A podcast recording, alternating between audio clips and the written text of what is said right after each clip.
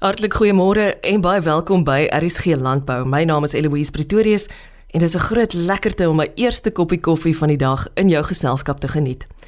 Direkteur van Besigheidsontwikkeling en Strategie by die Wes-Kaapse Departement van Landbou, Dr Dirk Troski, sluit by ons aan om die eerste van twee deelhouervergaderings van die jaar te bespreek. Tydens die vergadering het die minister van Landbou in die Wes-Kaap, Dr Ivan Meyer, onder andere sy jaarbegroting bespreek. Troski verduidelik ook watter positiewe uitkomste die betrokke byeenkoms tot gevolg gehad het wat verband hou met landbou in die provinsie. Goeiemôre Eloise uh, en dankie dat ek hier kan wees. Ek ek waardeer dit dat ek uh, kan deelneem aan hierdie gesprekke. Daar kom ons gesels oor vanjaar se deelhouer vergadering, die Wes-Kaapse Departement van Landbou. Uh, jy was so tydjie terug ook daarbey betrokke.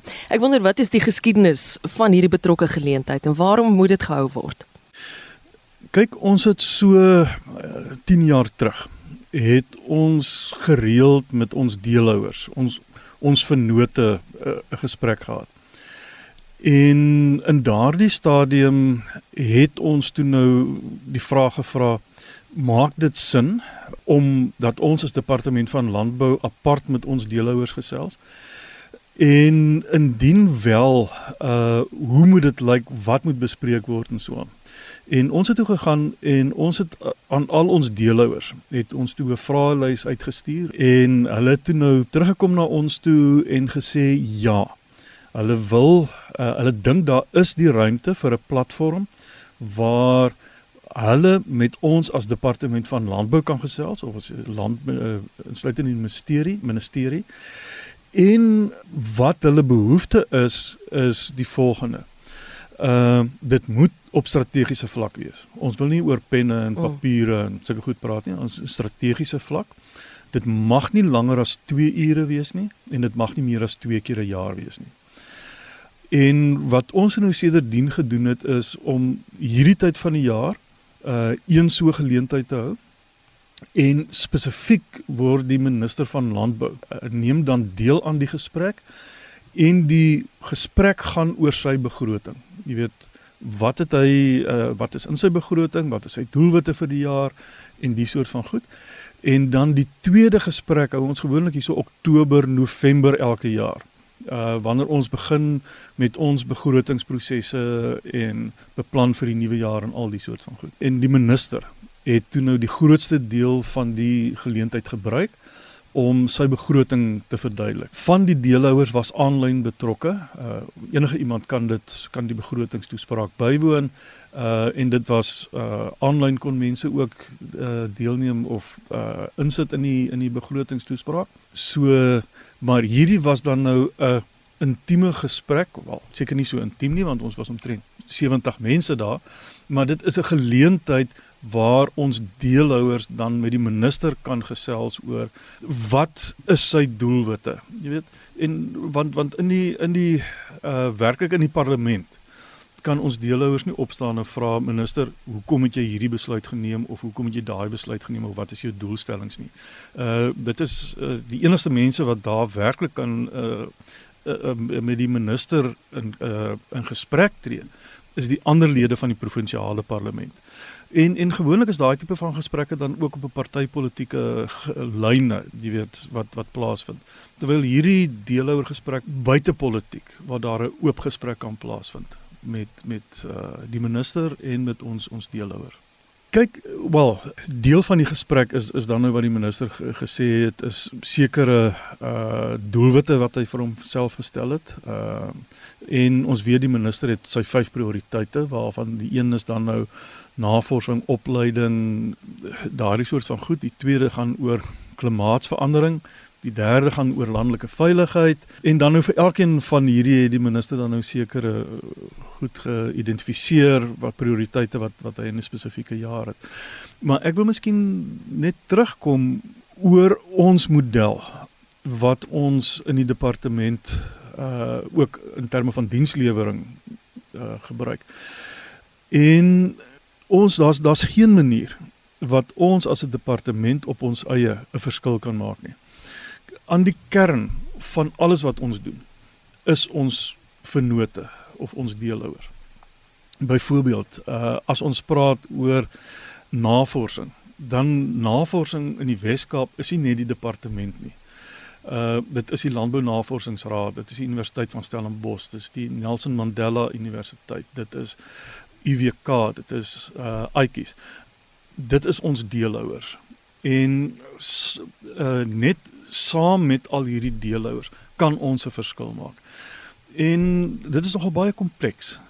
So en as 'n mens kyk na ons ondersteuning aan aan aan boere, aan aan kleinboere, werk ons baie nou saam met die verskillende bedryfsorganisasies. Ons praat van kommoditeite. So dit is 'n komplekse proses waardeur ons al hierdie bedryfsorganisasies, akademiese instellings, ander provinsiale departemente, Agri Weskaap, uh, Afasa, dit dit is almal deel van ons ekosisteem van hoe ons hoe ons werk. So dit is hoekom dit so belangrik is dat ons al hierdie mense dan rondom die tafel kan kry en 'n gesprek kan hê oor wat is op die begroting en en die doelwitte vorentoe. Want sonder die deelname van hierdie deelhouers of vennote van ons kan ons nie die landbou vorentoe neem in die volgende jaar nie. Uit 'n persoonlike oogpunt, is jy positief gestem na hierdie betrokke vergadering? Absoluut. Jy weet een een van die uh soos ek gesê het, die die aanvanklik was die versoek dat die vergadering nie langer as 2 ure moet wees nie. En die vergadering was nie langer as 2 ure nie. Maar dan vind die informele deel plaas. En ons het hierdie jaar was die dit was uh die aand uh, van 5 tot 7 uh by Avontuur net hier so op die so halfpad tussen of net buitekant Somerset Wes. En na die vergadering was daar toe nou geleentheid vir verdere gesprek. En dit is heel dikwels vir my waar die werklike interaksie plaasvind. Jy weet waar jy met iemand kan staan en 'n spesifieke kwessie hanteer en daai kwessie deurtrap en verduidelik en waar jy kan sê hoor hierso man dis nou 'n interessante punt wat jy gemaak het kom ons bring daardie persoon ook in.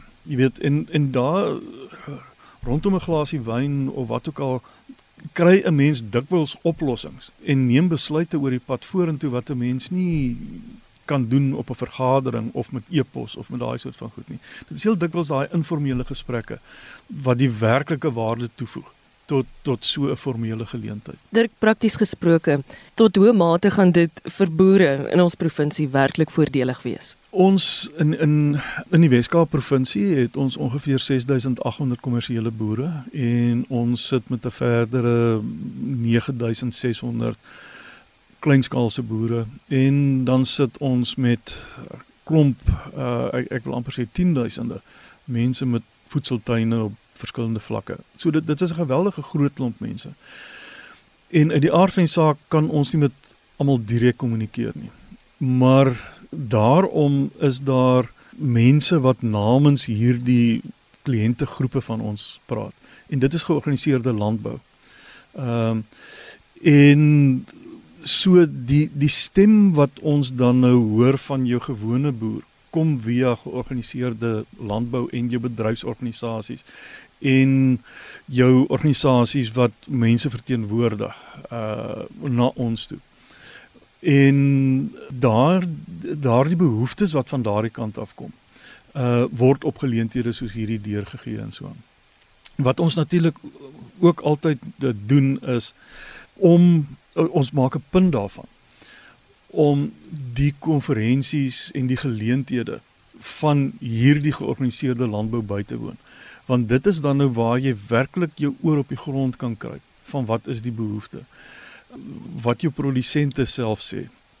So dit is aan die een kant is dit 'n gefiltreerde boodskap wat by ons uitkom, maar ook ons maak ook 'n punt daarvan om deel te neem aan die gesprekke en die geleenthede uh wat gereël word uh deur ons deelhouers wanneer hulle met hulle uh kliënte of of met die mense wie hulle verteenwoordig uh wanneer hulle met met met hulle in gesprek is. Die die die ander geleentheid of die ander punt wat ons ook maak is uh een keer 'n jaar, gewoonlik hier so einde Julie het ons ons strategiese beplanning sessie. En as deel van ons strategiese beplanning sessie nooi ons dan weer hierdie verteenwoordigers van van hierdie deelhouers van ons uit om met ons weer eens in daai geleentheid in gesprek te tree.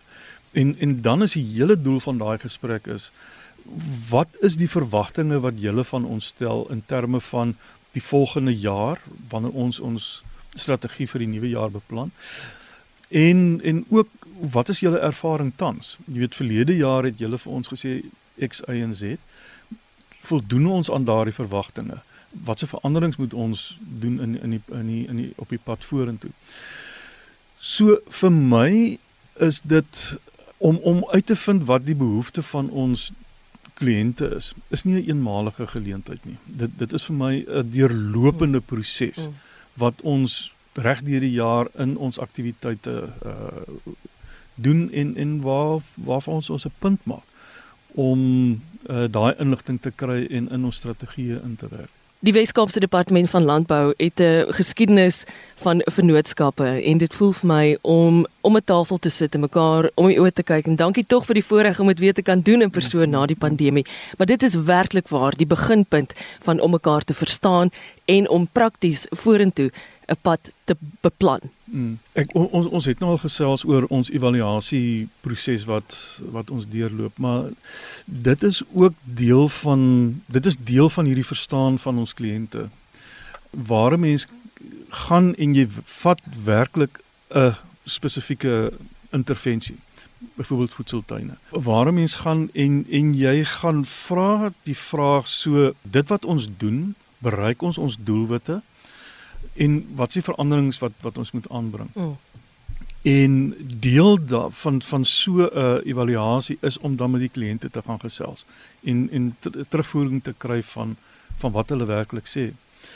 Nou net, net om terug te kom na ons deelhouers, jy weet waarom dit ook so belangrik is. Ons sit 'n bietjie met die probleem dat soos ek gesê daar is 6800 kommersiële boere en 9600 kleinskaalse boere. En elkeen van daardie boere is 'n individu en elke boer is die hoof van sy eie plaas.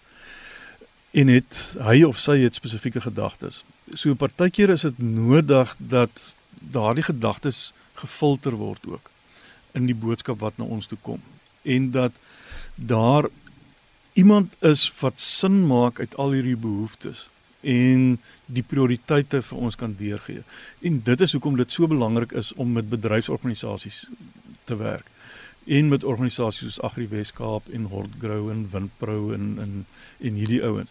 Want want uh, omdat hulle die daardie boere in daai bedryf of area verteenwoordig kan hulle die werklike essensie uithaal van wat is die behoefte en en dit aan ons kommunikeer sodat ons nie al hierdie verskillende stemme hoor en jy's nie altyd seker watter stem moet die meeste gewig dra nie. So so dit is hoekom ons dan nou soveel klem lê op geleenthede soos soos hierdie uh deelhouer uh vergaderings wat ons het. So wat ons ook gedoen het op hierdie deelhouer vergadering is ons het nou sopas ons derde groep hommeltuig loodse opgelei. En die eerste twee groepe was hoofsaaklik was studente en jong mense wat internskappe doen in die departement en ons eie beamptes. Maar die derde groep was uitsluitlik boere en agriwerkers gewees. En daar was aanvanklik omtrent 200 mense wat belang gestel het. Daar het uh, ons het toe oop dag gehou waarby net so oor die 100 mense bygewoon het. Van hulle het 49 het aansoek gedoen om 'n hommeltuiglisensie te kry. En aan die einde van die dag het ons 11 in hierdie kursus aanvaar en al 11 het suksesvol voltooi en uh tydens die deelhouer geleentheid het hulle dan nou ook hulle vlekkies ontvang. Uh wat die minister dit dan nou uh aan hulle oorhandig het en ons gedink dit is heel gepas dat hierdie mense wat agriwerkers en boere is dat hulle by 'n geleentheid waar ons deelhouers teenwoordig is en ons oor ons begroting en die soort van goed gesels dat hulle dan ook hulle vlekkies ontvang het by daardie geleentheid. So gesels direkteur van besigheidsontwikkeling en strategie by die Wes-Kaapse Departement van Landbou, Dr Dirk Troski. Vind die program op www.elsenburg.com en onthou om môre om kwart voor 12 weer by my aan te sluit vir RSG Landbou. Hierdie program word ondersteun deur die Wes-Kaapse Departement van Landbou vir jou. Ek is Eloise Pretorius en ek groet jou. Tot môre.